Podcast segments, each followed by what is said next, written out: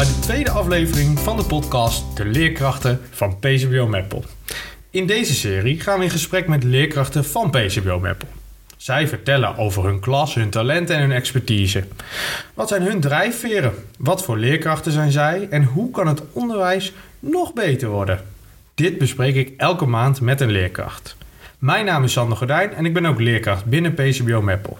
Ik ben nieuwsgierig naar het hoe en het waarom van de andere leerkrachten binnen PCBO Meppel. In de vorige podcast sprak ik met Herman Langhorst. En hij mocht een leerkracht uitkiezen voor deze editie. Hij noemde toen de naam van Ingrid den Hollander en daarom zit zij hier nu tegenover mij. Welkom Ingrid. Ja, dankjewel. Ja, nou ja, laten we gelijk maar uh, met de deur in huis vallen. Wie ben je?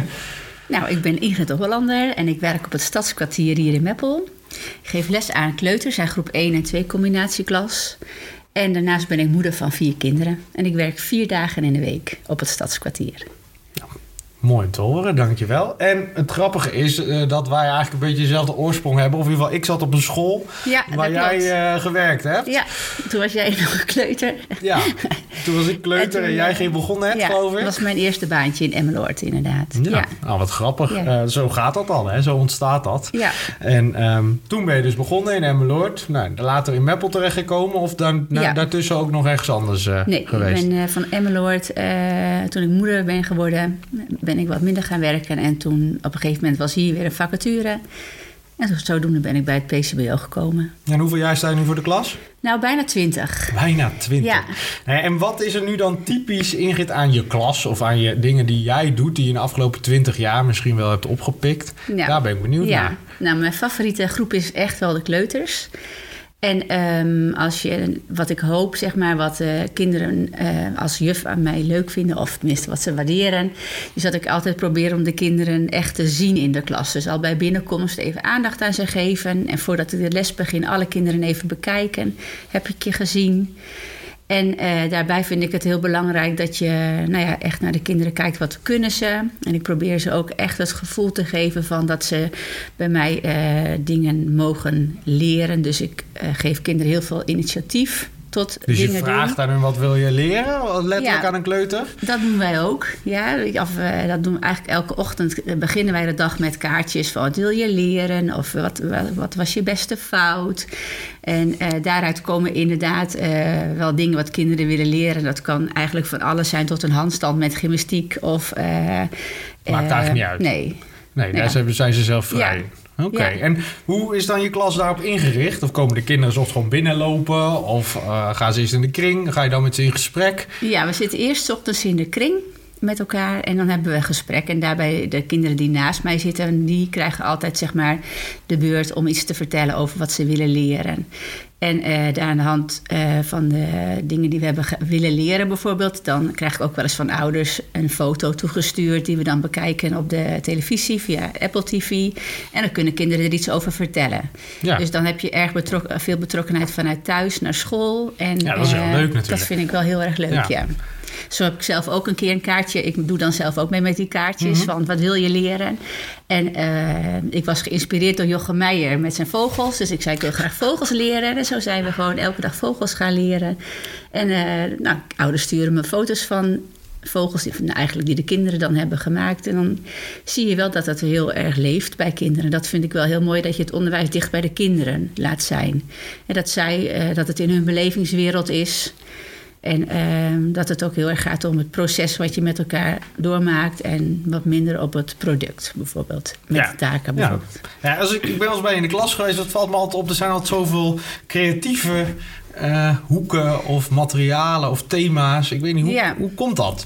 Waarom doe je dat? Uh, ik hecht heel veel waarde aan hoeken, dat klopt omdat ik denk dat kinderen daar heel veel kunnen leren. In, in het samenwerken, um, uh, in dingen bedenken. En ook bijvoorbeeld uh, hoe ga je om met elkaar? Um, wie is de leider? En hoe ga je, als, als je ook leider wil zijn, hoe ga je daarmee om? Dat je de rollen zeg maar goed uh, kan bekijken, hoe kinderen daarin je spelen. uit naar kinderen. Uh, ik kijk altijd hoe ze spelen. En naar de werkles, bijvoorbeeld met taken ook. Als we een taak hebben, dan vind ik het belangrijk dat ze bijvoorbeeld leren knippen. Maar niet zozeer hoe het er nou uit komt te zien aan het eind. Ik vind het echt heel belangrijk dat ik kan zien van, oh, ze, ze doen hun best. En eh, soms roepen kinderen ook wel van, eh, het lukt me niet. En dan zeg ik ook van, nou, het lukt je nog niet, maar eh, ik ga je helpen. Of je ziet kinderen echt heel erg doorzetten. Dat benoem ik dan na tijd, naar de werkles. Als we dat hebben gedaan, zitten we weer in de kring. Dan, dan zeg ik bijvoorbeeld ook, zag dat jij heel erg, uh, dat je het eerst heel moeilijk vond. En dan zeggen de kinderen dat ook van, ja, dat klopt. Ik zeg, maar je hebt toch doorgezet. En wat heb je geleerd? Of heb je nog tips voor andere kinderen in de klas, wat bij jou fout ging? En zo zie je gewoon aan de, door de week heen dat kinderen weer van elkaar leren. Van wat, wat kan jij dan weer leren van iemand anders? Wat ging er bij jou fout? Wat kan iemand daarvan leren? En dus dat eigenlijk is met, bespreek je alles met die kinderen, wat je ziet. Nou, dat vind ik wel het belangrijkste moment haast van de werkles. Van waar ging het goed? Waar ging het fout? Wat kan anders? Wat zijn je tips? Maar met spelen ook. Van, uh, ik zag dat, uh, dat jullie samen iets heel moois hebben mhm. gebouwd. En wie heeft dit bedacht? En uh, nou, als andere kinderen dat gaan doen, wat, wat, wat kun je dan nog als tip meegeven? Van wat, wat was lastig en hoe heb je dat dan gedaan. Ik denk maar dat dat, dat evalueren van je speelwerkles in de kring, het klinkt heel logisch wat je nu zegt, maar zo, ik zelf ook, ja, zo vaak doe je het eigenlijk niet. Maar oh, dat wat... doe ik altijd. Ja, ik vind dat juist zo belangrijk dat je daar tijd voor maakt. En ook al is het maar vijf of tien minuutjes. Want jij bent als leerkracht, je ziet wel echt wat er gebeurt. Dat is, of dat je naar, bij kinderen bent gaan zitten om ze te helpen. En dan kan je je ook laten benoemen van dit is jouw leerproces geweest. Het lukte niet. Maar je hebt toch doorgezet en het lukt toch wel. Dus uh, ik zeg ook altijd in mijn klas: mag je niet zeggen ik kan het niet. Nee. Wil ik niet horen. En want als je zegt ik kan het nog niet, dan sta ik te springen, want dan kan ik jou iets leren. En ik vind het ook heel mooi dat kinderen zelf dan gemotiveerd zijn om dingen te leren. Dat is wel een beetje het doel van mij als juf zijn: van je doet het niet omdat ik het wil, maar omdat je zelf iets wil leren, zeg maar.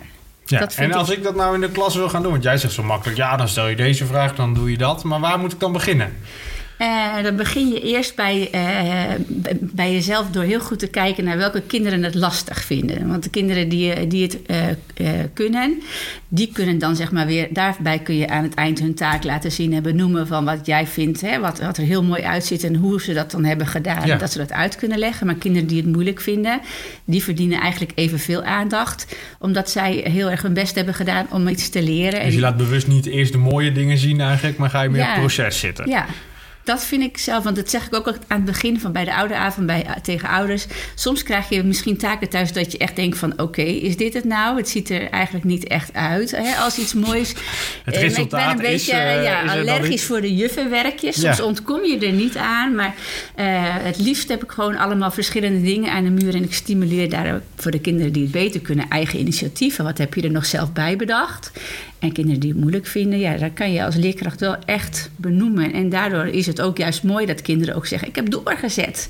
Soms komt er iemand in mijn klas en zegt: Ik vertel eens even wat er net is gebeurd. Ja, ik heb doorgezet en ik kan het. En dan denk ik: Ja, dat zijn voor mij echt wel de momenten. Uh, ja. Dat ik, waar ik gelukkig van word. Nou, ja, ik zie het, je straalt helemaal. Um, wat ik ook heel mooi vind, is dat uh, je maakt heel veel filmpjes en foto's van je klas. Hoort dat daar ook bij, dat proces wat je dan bespreekt met die kinderen? Of vind je het gewoon leuk om te delen wat je in je klas doet? Um, nou, eigenlijk allebei. Want het is natuurlijk heel mooi om het leren zichtbaar te maken. Want als kinderen thuiskomen, vooral kleuters en ouders vragen hoe het is geweest, dan is het al vaak goed. En ze kunnen het ook niet allemaal onthouden. En uh, ik vind zelf het heel erg leuk om, en ook niet zo moeilijk eigenlijk om filmpjes te maken. Dus dat zet ik dan bij ons op de website of ik mail ouders over een filmpje. En kinderen kunnen dan heel goed vertellen van, oh ja, dat was toen en kijk, dit hebben we gedaan. En uh, je krijgt veel meer ja, het leren en de ontwikkeling van de kinderen in beeld. Doordat ze daar ook over kunnen vertellen van, kijk, dit kan ik al. En dat stimuleert ook wel het zelfvertrouwen van dat ze heel trots zijn op wat ze hebben gedaan. Want ik ben natuurlijk trots, maar het is de bedoeling dat ze zelf trots zijn op hun eigen vaardigheden. Nou, dus dat vind goed ik eigenlijk... Horen, ja. Uh, maar heb je dan ook nog een tip van hoe kan je nou makkelijk een filmpje maken? Want de meesten zeggen, ja, Sander, jij doet dat zo vaak, jij kan dat wel. Maar ik hoor jou ook zeggen, ja, ik vind het niet heel moeilijk. Nou ja, als je het echt heel moeilijk, uh, wel lastig vindt bijvoorbeeld... Je, je moet het eigenlijk gewoon gaan doen. Zo, zo ben ik zelf ook begonnen. Je en kan, wat moet je dan ook foto's uh, maken, bedoel je nou dan? ja, dan ga je gewoon filmen en dan zoek je een app en dan probeer je dat gewoon. Hè? Je kan wel denken van, ik kan het niet. Dus eigenlijk hetzelfde weer, maar dat, je moet het gewoon proberen. Ja. En bij mij in de klas zelfs de kleuters kunnen het. Ik laat kinderen regelmatig uh, filmen. Ze hebben hè, dat ze zelf de kans krijgen om een filmpje te maken. En ik heb een jongetje in de klas die maakt standaard de foto's bij mij in de groep, zodat ze ook een beetje hè, daarin gevoed worden van, nou, dat kan ik gewoon goed. En uh, die wil later ook dan fotograaf worden. Dat is dan ook weer helemaal leuk natuurlijk. Ja. Maar ja, het is een mooie aanvulling op je werk. En je krijgt er ook gewoon wel heel veel waardering voor terug, omdat ouders ook gewoon zien en vooral, ik vind het voor de kinderen mooi dat ze kunnen laten zien van dit hebben we gedaan. Maar je doet zoveel dingen op een dag, dat, daar hebben ze eigenlijk geen weet van natuurlijk. Nee. Denk nee. Ik, van, ik vind dat wel mooi om te laten zien. Ja, zo gaat dat. Nou ja, wat ik het vorige gesprek met Herman uh, heb gehoord, is dat je bezig bent met mindset. Uh, in de klas. En, Ja. en dat je die inspiratie ergens vandaan hebt. Ja, dat klopt. Twee jaar geleden uh, ben ik een master begonnen gedragsspecialist. En uh, tijdens die studie mochten we op studiereis naar Canada. Daar ben ik geweest in Toronto. En in uh, Toronto doen ze heel erg veel aan emotieregulatie. Oh, okay. Maar even, kan, meestal hoor je Finland, Amerika, uh, Singapore of zo qua Ja, bezoeken. ja. Maar waarom dan Canada? Nou ja, Canada is wel heel erg vernieuwend. Ehm, niet alleen wat betreft uh, nou ja, de emotieregulatie Ja. en, en Ja. over mindset en mindfulness wat ze daar doen. Maar ook uh, over onderzoek en leren. Uh, daar zijn we voor naartoe geweest. En wat ik daar heel mooi vond, is dat ze de kleuters al de werking van het brein laten zien en ook daarover vertellen. En ze hebben dan ook een hoek waarbij de kinderen hun e eigen emoties kunnen reguleren. En dat vond ik zo gaaf dat ik daar in Nederland zelf mee verder ben gegaan in mijn eigen klas. Ja. En dat gaat eigenlijk nu steeds een beetje verder. Dus dat is wel echt uh, ja, heel mooi. Dus je hebt daar gezien hoe ze met mindset en hersenen, zeg je Ja. eigenlijk, de werking van de hersenen Ja. bezig zijn. En dat heb je meegenomen. Ja, eigenlijk zijn er drie gebieden in de hersenen die we de kleuters dan vertellen. En dat is dan, uh, het gaat om de amygdala, zeg maar. Dat is diegene die de gevoelens, uh, waarbij je gevoelens, ja, die dat uiten. En uh, ik heb dat omgezet in, mind, uh, eigenlijk in hersenfiguren. En dat is dan een poppetje en er staat een kusje op uh, zijn hoofd en een stekel. Zo van, ja, je kan zomaar ineens emoties hebben wat je zelf niet wil. Nee. En in het onderwijs zijn we natuurlijk heel erg bezig met de kan-je-training. En je zegt tegen iemand, stop, hou op, ik vind het niet leuk wat je doet. Ja. En daar zijn we kinderen op aan het trainen. Maar bij kleuters komen kinderen op school... die nog helemaal, zeg maar, soms hun eigen emoties niet eens in de hand hebben. En zomaar uh, bij de jassen bijvoorbeeld oh ja. ja, raak me aan, boem, ik ga jou slaan.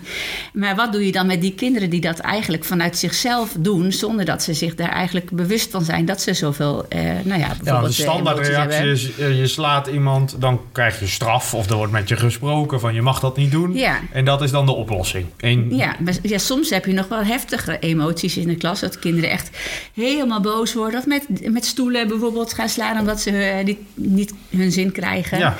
En um, wat wij nu zeg maar doen is dat we die kinderen... We hebben nu een stille plek in de klas. En dat krijgen we straks in alle kleutergroepen bij ons op school. Waar kinderen even zich in terug kunnen trekken van. En, en dat is dan geen strafplek. Nee. Maar meer van, ook zie dat je heel erg boos bent. Of bijvoorbeeld heel erg verdrietig. Of iemand bijvoorbeeld die heel moe is en echt even rust nodig heeft. Die kan dan daar naartoe gaan. kussens of Ja. lekker zachte materialen Kussens, of zo? Ja, en kussentjes, maar ook gezellige lampjes. Ehm, allemaal een beetje ehm, van die stressballen hebben we er liggen. En eh, verfrollers waarmee je over je lijf heen kan rollen. En, Oh ja, oh, dan kun je eh, zichzelf atmosferen ja. als het ware. Ja, sensomotorische materialen hebben we. Uh, spiegeltjes, dat je even naar jezelf kan kijken, zodat kinderen eigenlijk weer rustig kunnen worden. Ja. En we leren ook, zeg maar, dat je daarbij, we leren de kinderen ook de prefrontale cortex, zeg maar, dat wat dan voor in je hoofd zit. En de kleuters kunnen dat ook echt benoemen. Dat gaat, je, dat maar wat leg je dan aan ze uit? Nou, de prefrontale cortex is bij ons een hersenfiguur en die heeft een computertje in zijn hand. En we zijn natuurlijk op school ook al wel bezig met programmeren. Dat je Ja. bijvoorbeeld een rups kan programmeren of in een spelletje. En ik zeg dan tegen de kleuters, nou eigenlijk kan je jezelf ook programmeren met de prefrontale cortex. Hè? Dat, dat je Ja. gewoon zelf kan zeggen van als je dan zo heel erg boos wordt. Van eh, nou, de volgende keer dat ik weer zo boos word. Want deze keer ging het niet goed. Hè? Dat was niet fijn dat ik iemand anders pijn heb Nee. gedaan. Maar de volgende keer dan ga ik eh, even naar die stille toe. Dat ze ook zichzelf een beetje de opdracht geven van... nou, eh, als ik echt heel erg boos ben, dan loop ik er even bij weg. En de ervaring Gewoon daarin uit is... de situatie. Het Ja. kind gaat zich programmeren dat hij zelf uit de situatie gaat. Ja. En eigenlijk niet iemand anders daarvoor nodig heeft. Ja, en dat is op deze leeftijd van bij kleuters heel belangrijk. Want daarbij, het is echt wel tussen de, nou, de vier en eh, de, de- en volgens mij van vier tot zes jaar dat eh, dat best wel heftig is bij kleuters. Of dat het zo kan zijn, hè, dat de emoties Ja. zo aanwezig kunnen zijn. En ehm, het- de ervaring is dat kinderen dan naar die hoek gaan. Dat heb ik vorig jaar ook ervaren. Dat het extreem was in emoties. Ja. En rustig, dat hij rustig werd in de hoek. En vervolgens in een kringgesprek gewoon vanuit de hoek mee ging doen. Dus dat is, dan heb je wel dat je denkt: yes, nou heb ik het gewoon dat ze. Nou, je vindt het ook niet fijn om altijd die kinderen eh, nou ja, daar boos op te worden. Want je ziet ook wel dat het niet altijd vanuit. eh, nou, dat het doelbewust is. Of het ontstaat zo in één keer impulsief. En als ze dan wel hun Het gedrag is niet de kunnen bedoeling reguleren. om iemand anders nee, pijn te precies. doen. Maar er gebeurt gewoon iets. Nee, dat kunnen ze eigenlijk pas daarna zeggen als ze uit die emotie zijn. Dus dat is wel heel belangrijk. En Dat daarbij, bedoel je dus ook met emotieregulatie. Dat ze weten Ja. Wat ze moeten doen op zo'n moment. Als ze het even Ja. niet meer weten juist. nou, dat ze eigenlijk hun eigen gedrag kunnen eh, reguleren. Dat ze daar de baas over zijn. Van, ik ben nu heel erg boos. Maar eh, ik moet nu eerst zorgen dat ik weer rustig word. En dan kan ik eigenlijk weer verder. En dat is een stukje wat je daarmee wel kan bereiken. En Ja. dan heb ik ook nog de hippocampus aangele- aangeleerd. Dat is eigenlijk je geheugen. En die zorgt er dan voor dat als je fouten maakt of er gaat iets mis, dat hij de volgende keer daaraan terugdenkt. En, en dan denkt hij van, oh, nou, dat eh, was niet handig. Nu ga ik het eh, op een andere manier doen. Dus we hebben eigenlijk drie hersenfiguren in onze klas. En die bespreek je dus eerst in de kring. Of eerst Ja, eh, gewoon eerst in de eh, kring. leg je die uit. Ja, vandaag heb ik het aan groep 4 uitgelegd hoe het werkt. Ja? En eh, nou, dat hebben ze echt zo in de gaten. En als je situaties hebt waarin het gebeurt, dan bespreek je het eerst niet en dan, dan, dan gebeurt het gewoon. En later kan je dan zeggen van, oh kijk, nu was deze even, hè, de amygdala was de baas in jouw hoofd. En daarom werd je heel erg boos. Maar eh, voor de volgende keer onthoud deze het, hè, de hippocampus. Dus dan kan je dan je prefrontale cortex aansturen. Oh, nou, ik ja. doe het dan niet natuurlijk met die termen, Nee. want dat vind ik niet echt heel erg belangrijk voor kleuters. Maar ze vinden het zelf wel heel stoer om het te zeggen. Ja. Maar doordat ze weten dat je hersenen eigenlijk zo belangrijk kunnen zijn en dat je daarbij jezelf ook kan helpen, eh, merk ik wel dat het effect heeft. En dat vind ik gewoon echt wel heel erg gaaf. Dat je gewoon eh, kinderen al op, op kleuterleeftijd kan leren van ja, soms, sommige kinderen hebben dit. En dat zien ze Ja. in de klas ook. En daar kunnen ze ook niet zoveel aan doen, daar zijn ze mee geboren. Maar we hebben er Ja. wel trucjes voor dat je daar Kunnen rustig kan worden. Ja, precies. En als zo'n kind daar dus heeft gezeten, is het dan zo dat per se iemand daar nog weer mee gaat praten? Of is het dan gewoon, dat hangt er af van eh, ja, het kind? Dat- Ik ben dat- gewoon benieuwd ja, hoe dat dan gewoon ja, gaat. Als zo'n kind dan zelf naar zo'n hoek toe loopt, moet ik daar als leerkracht dan gelijk iets mee? Of zeg je juist van eh, de Nee. ervaring leert dat dat niet nodig is? Nou, ik zeg altijd, als je, weer, eh, als je weer terug kunt komen in de kring... dan eh, vinden we het fijn als je weer bij ons zit. Als je weer kan spelen, dan kan je daar weer naartoe gaan. En dan is het eigenlijk soms, eh, of dan roep ik even van... kom je weer bij ons in de kring, want volgens mij gaat het weer goed. Nou, dan komen ze er weer bij zitten en dan Ja. hebben we...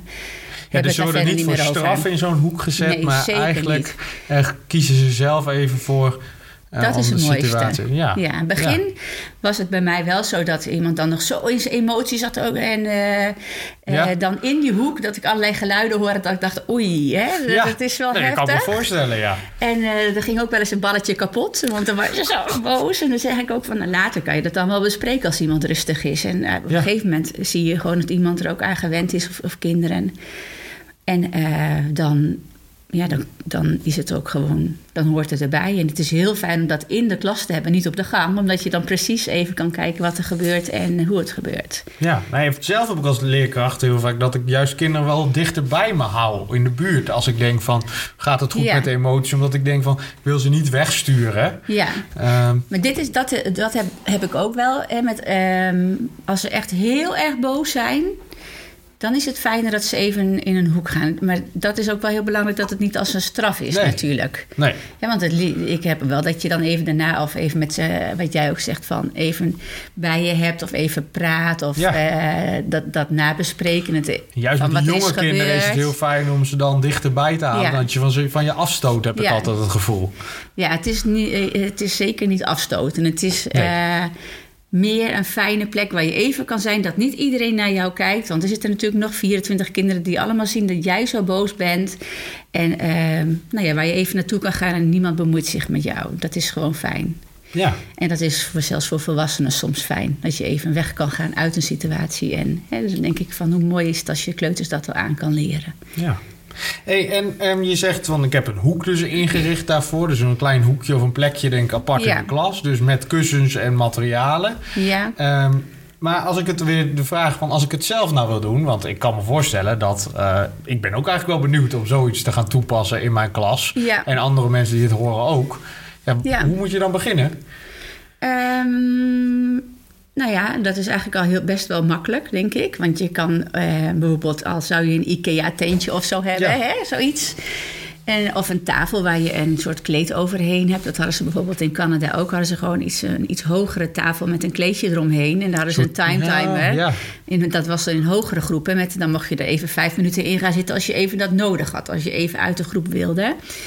En eh, voor de rest kan je overal, denk ik wel, van dat soort eh, spulletjes eh, verzamelen. Hè? Zoals van die stressballen. En Ja. er zijn ook websites voor sensomotorische materialen... waar wij ook wel met schooldingen hebben gekocht. Zo'n Dus daar moet je dan weer op zoeken. Ja. Oh ja, die gaat dan zo Ja, mooi met de rijst Met of een zo. geluid, ja, Ja. Dit is dan inderdaad iets van plastic. Maar Oh, ja. dat is wel hetzelfde effect. Ja.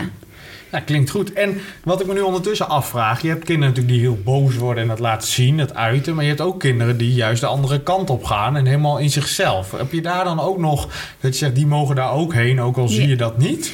Eh, de hoeken hebben we eigenlijk standaard gewoon open op het keuzebord. Oh ja, Maar wel voor één persoon. Dus het is wel zo van als je erin gaat, mag je gewoon eventjes op jezelf zijn. ja. Nou had ik vorig jaar ook wel kinderen die het heel erg leuk vonden om daar als hoek te kiezen. En dan vervolgens de hele tijd niets te doen. Heerlijk lekker Ja. te liggen en gewoon lekker een beetje te spelen. Dus daar, dan is er wel een tijd aan verbonden. Dus dan mag je bijvoorbeeld tien minuutjes of zo daarin. Maar daar moet de leerkracht dan in eh, zichzelf vertrouwen... en de kinderen dat Ja, eh, dat, dat samen gaat... en dat je daarover gaat praten.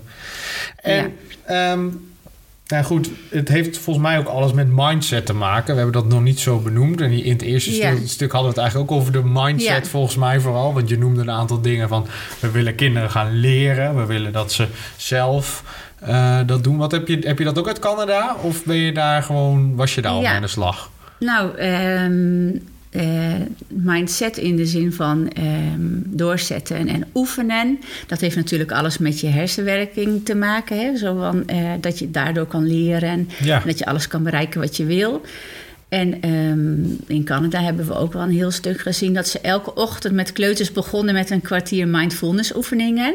En daar heb ik me ook wel in verdiept. En, maar daar zover, dat is, dat is eigenlijk nog niet zo te realiseren. Of tenminste, dat past niet heel erg bij mezelf. Nee. Dan vond ik een kwartier stil zijn zelf eigenlijk wel heel erg moeilijk. En ik wilde, de kinderen vonden het wel heel fijn. Ik heb het ook uitgetest. Ja.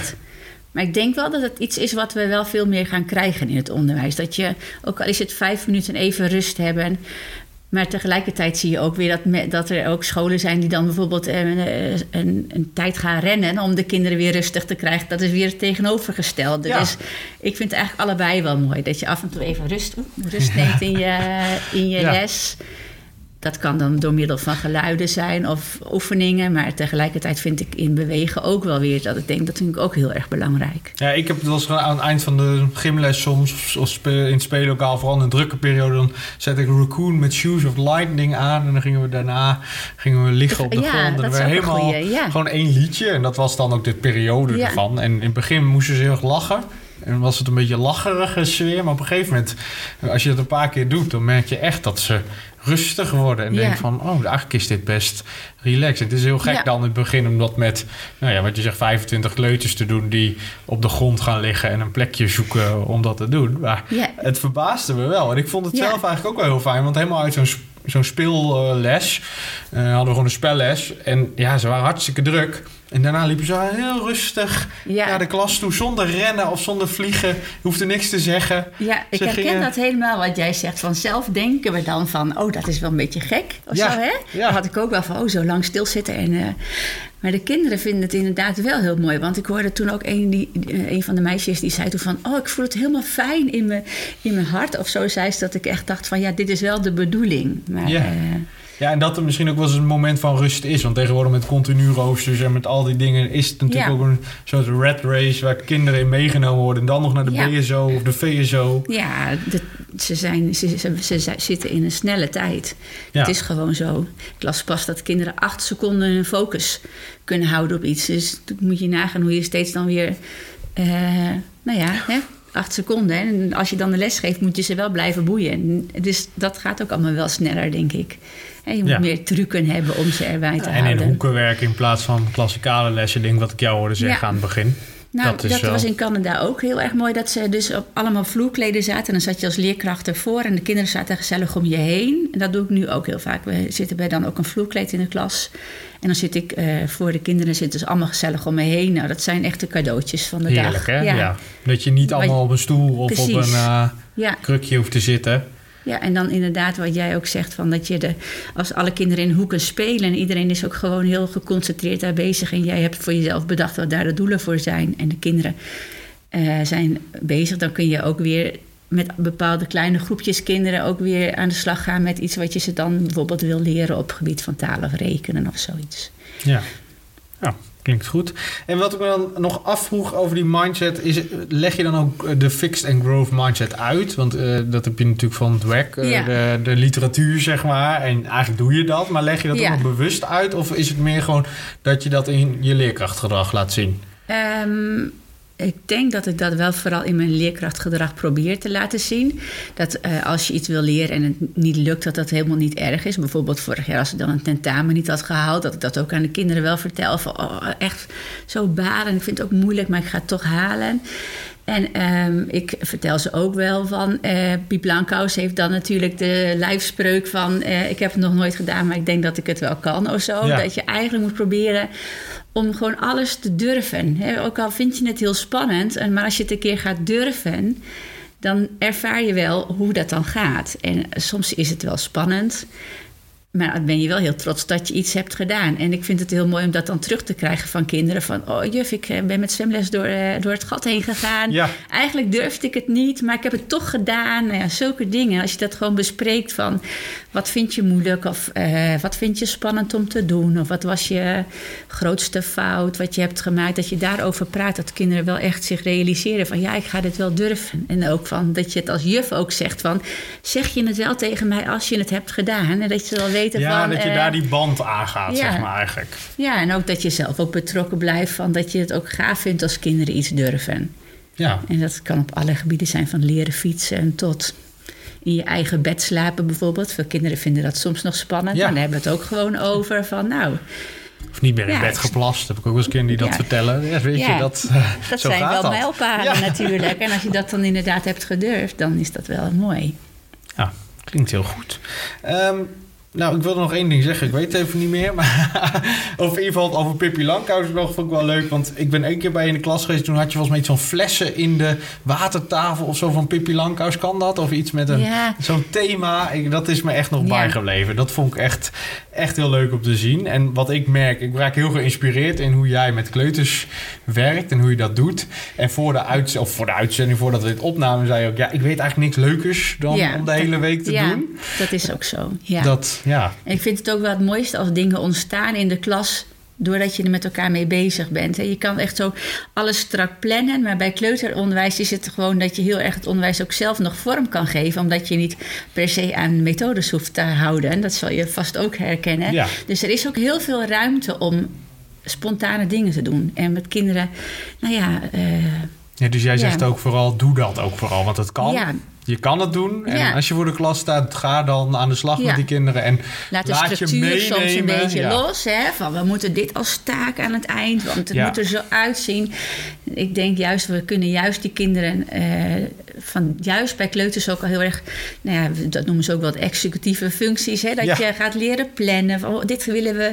We hadden vandaag bijvoorbeeld een mevrouw die in de klas kwam vertellen, een expert, en zeggen die komt zo laat. Dus hoe gaan we dat dan plannen? Nou, dan moeten we bij de één moeten we eigenlijk al wel stoppen met spelen. Dat je ook de kinderen daarin meeneemt in het hele proces. Dus niet alles van- zelf bedenken, Nee, maar gewoon ja. uitleggen van... hé, hey, het is vandaag anders. Hoe gaan we dat dan doen? En als je bij mij in de klas komt, vind ik het zelf best wel eens rumoerig. En dan denk ik wel eens, als mensen hier binnenkomen, ze zullen ze denken van, eh, wat gebeurt hier? Maar dan als je goed kijkt, dan zie je bijvoorbeeld de watertafel. Dat vullen de kinderen. De ki- kinderen vullen bij mij elke dag zelf de watertafel. Want ik vind dat gewoon heel belangrijk dat ze dat ook gewoon zelf doen. Kinderen kunnen hartstikke veel zelf. Ja. Bij de taken liggen er nooit scharen of, of potloden klaar. Eh, haal ze maar zelf op. Hey, Ja, waarom kijk wat je alles zelf nodig hebt. Dan heb je natuurlijk ook weer die executieve Ja. functies waar je mee bezig bent. Maar ook gewoon het vertrouwen als juf wat je hebt in de, ja, dat ook. Maar ook het vertrouwen wat je als juf hebt in kinderen van, dat kan jij gewoon. Dus doe dat ook en pak het ook maar gewoon zelf. En regel de dingen Ja. ook maar zelf. Dat vind ik gewoon mooi. Ja, en dat Ja. kunnen ze ook gewoon. Dus dat denk ik wel van, ja, je kan kinderen zoveel zelfvertrouwen meegeven en hun talenten leren zien van, oh, hier ben ik goed in. En eh, ja, dat is eigenlijk wel een passie, hè, wat je dan hebt voor, eh, voor het onderwijs. Dat je denkt, Ja. ja. daar kan je als juf, ook al zijn de kinderen nog maar vier of vijf, wel heel veel in betekenen. Ja, ik word er heel blij van wat ik al zei. Als ik dat hoor en als ik dat zie van hoe de kinderen eh, daarmee bezig zijn. Als ik ouders ook hoor zeggen ze ja, bij juf Ingrid in de klas dan mogen ze. En dat zie je denk ik. Dat zien ouders ook. Dat, ze, dat kinderen groeien en er mogen zijn. En Ja, ik hoop dat dat bij alle leerkrachten dat, natuurlijk nee, maar is. dat is zeker zo. Maar ik denk dat jij daar wel een voorbeeld in bent. Nou, dank je. Ja, ehm, nou ja, goed. Ondertussen zijn we alweer een half uur aan het kletsen en zijn we ondertussen eh, aan het einde gekomen. En de laatste vraag die ik altijd stel is: ja, wie moet de volgende gast zijn? Ja, nou daar, daar heb, ik, heb ik natuurlijk over nagedacht. En ik dacht, als ik kind zou zijn, bij wie zou ik dan graag in de klas willen zitten eh, van de leerkrachten van PSBO? En ik dacht eigenlijk meteen naar meester Jaap. Hij werkt op het kompas. En eh, ik weet van meester Jaap dat hij heel veel liefde en passie heeft voor de natuur. En dat hij dat in de klas ook heel erg laat zien. En dat lijkt me zo gaaf als kind dat je gewoon een leraar hebt die daar gewoon heel veel van weet. Zo had hij pas volgens mij eieren in de klas van een of ander dier, schimmels gekweekt. En ik denk, ja, als je dat allemaal in het echt ziet, daar leer je wel heel erg veel van. In plaats van uit een boek of van Ja. een digibord. Ja, Ja. en die kennis heb ik dan zelf niet zo heel erg. Dus ik moet het echt vanuit internet halen en of van, hè, van collega's, gepassioneerde collega's.